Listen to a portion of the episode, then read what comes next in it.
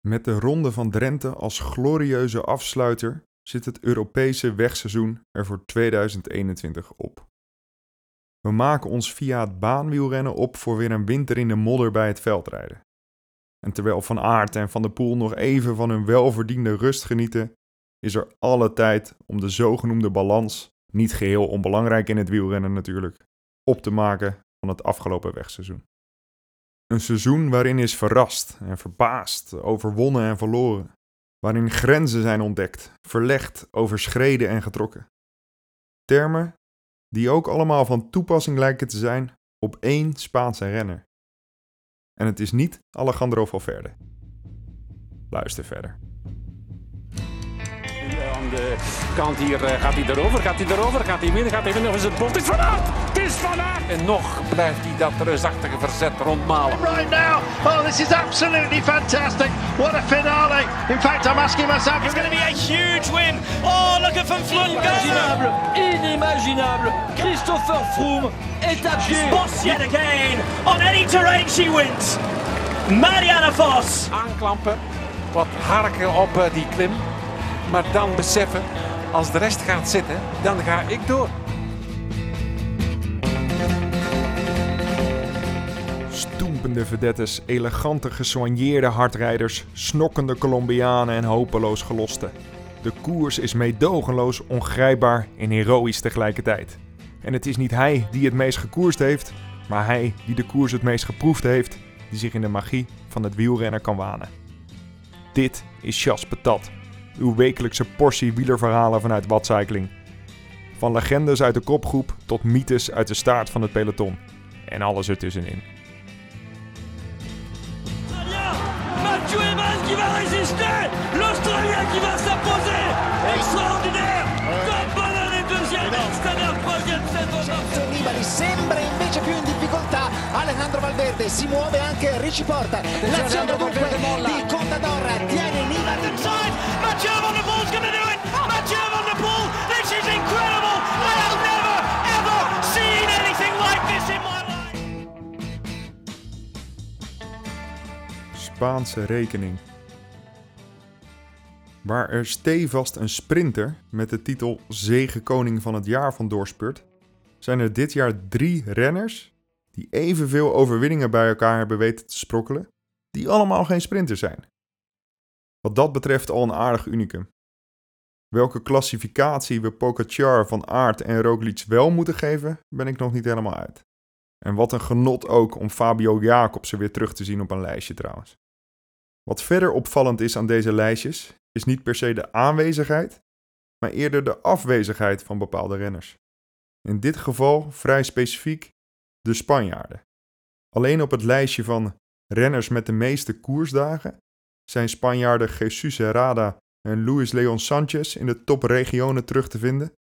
Maar verder lijkt het rood-gele geweld ondergedompeld in de Sangria te hebben gekoerst. Het is natuurlijk prachtig nieuws dat de 41-jarige Valverde, de beste Spanjaard op de UCI-ranking, er nog een seizoen aan vastplakt. Maar ergens is het jammer dat de gouden generatie met mannen als Alberto Contador en Oscar Freire geen duidelijke opvolging krijgt. Eerstgenoemde El Pistolero luidde begin dit jaar al de noodklok over het Spaanse wielrennen en sprak zijn vrees met grote vrezen uit. Maar Spaanse wielerliefhebbers zijn voorzichtig optimistisch en houden nog altijd rekening met een glorieuze toekomst door toedoen van de gouden benen van het piepjonge toptalent Juan Ayuso van UAE, de grote ronde longen van Carlos Rodriguez van Ineos en de klimmerskuiten van revelatie Juan Pedro Lopez van Trek. Nu ben ik een optimistische pessimist, maar rekening houden en alle hoop vestigen op een Spaans wielertalent is niet altijd een succesvolle combinatie gebleken.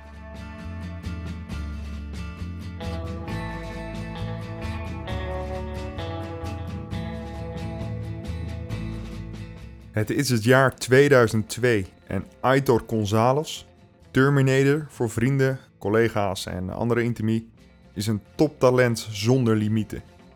Hij tekent een contract bij het Real Madrid van het wielrennen Fassa Bortolo. Een contract dat aanzienlijk vetter is dan zijn vetpercentage en in zijn eerste grote ronde wordt hij gelijk zesde in de Giro. In zijn tweede grote ronde, de Vuelta dat najaar, weet hij alles en iedereen te vernederen en met overmacht te winnen. En met iedereen vernederen bedoel ik niet alleen zijn concurrenten, maar ook zijn ploeggenoten. Aitor slaapt, eet en fietst zoals dat voor hem het prettigst is. Alleen en zonder rekening te houden met wie dan ook.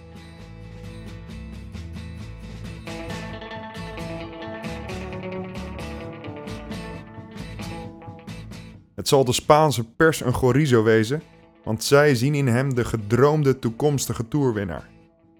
Kranten en radioprogramma's komen uitgaven en zendtijd tekort om Aitor de hemel in te prijzen. Maar, zoals wel vaker, blijken er altijd meer toekomstige toerwinnaars dan toekomstige tours te zijn. En Aitor blijkt niet de vliegensvlugge flankbestrijker te zijn waar het wielerreaal op hoopte, maar eerder een gevalletje Royston Drenthe in het kwadraat.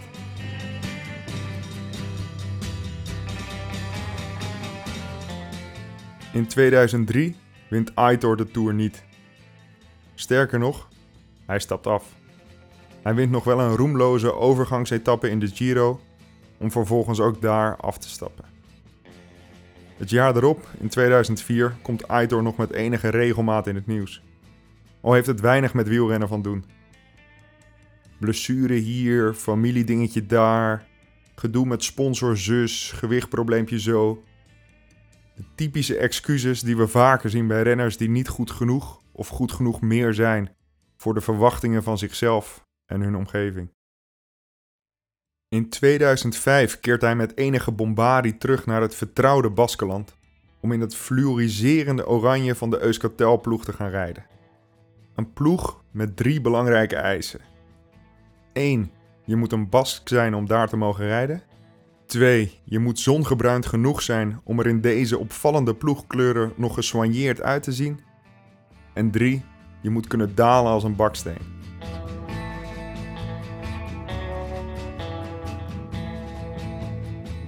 En wat een comeback moest worden dat jonge wielerharten zou verroeren. Talloze boeken en films zou vullen. En de geschiedenis in zou gaan als de grote wederopstanding van Aitor de Terminator. Werd een reeks betekenisloze mini-comebackjes zonder succes. Waar de Spaanse wielerliefhebbende pers nog altijd sprak van een mindere fase, als onderdeel van een wederopstanding, raakte Aitor verder van de fiets verzeild. In de zomer van 2005 wordt hij bij een out-of-competition controle betrapt op een verboden middel.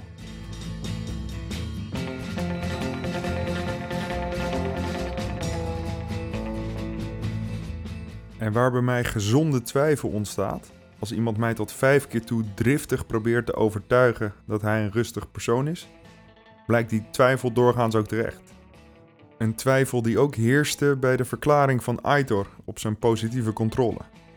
Dat was er eentje vol traditionele woede-uitbarstingen, ontkenningen en zichzelf overal tegensprekend. Het lag dus aan alles en iedereen. Behalve aan Aitor natuurlijk.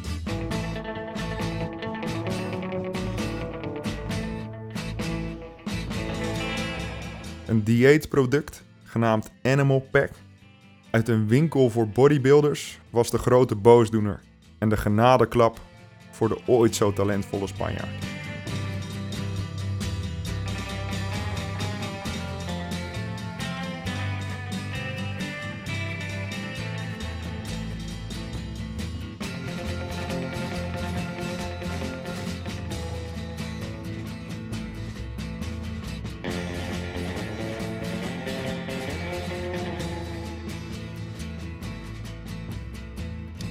Van lurken aan zijn bidon naar zuipen als een Groningse student. En van het bestijgen en bestieren van de nodige bergen met een sterk eindschot naar het wegsnuiven van bergen zonder tussenschot. Het dansen op de pedalen werd verruild voor de dansvloeren van Alicante.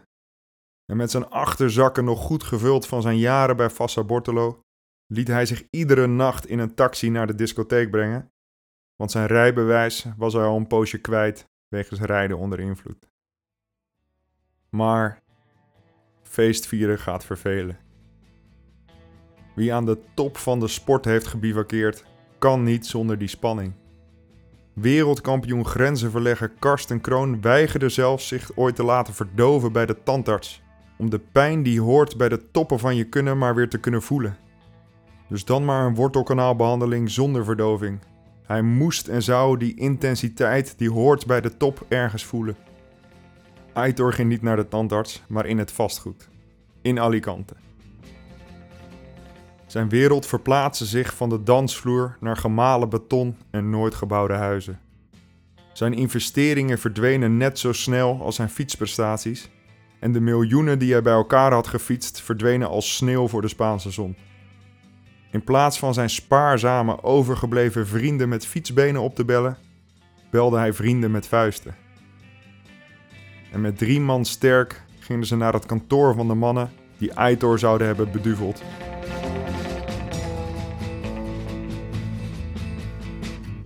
En de kleine Terminator sloeg onder invloed in een recordtijd de hele boel kort en klein. Even voelde hij zich weer de baas. Even was hij weer het mannetje. Even stak hij er weer bovenuit. Alleen niet aan de bovenkant van de apenrots, maar aan de onderkant. Sindsdien wist Aitor nog twee keer de Spaanse sportkrant te halen. Eén keer betrokken bij een overval en één keer als betrokkenen in een grootschalig onderzoek naar vastgoedfraude. Foto's tonen een vatsige gebruinde man. Niet in een strak oranje wielershirt van Euskaltel, maar in een scheef geknoopt groot wit overhemd. Aitor González. Een toekomstig winnaar. Alleen de toekomst werkte niet mee. En daar had niemand op gerekend. Aitor zelf ook niet. Die hield met niemand rekening. Ook niet met zichzelf.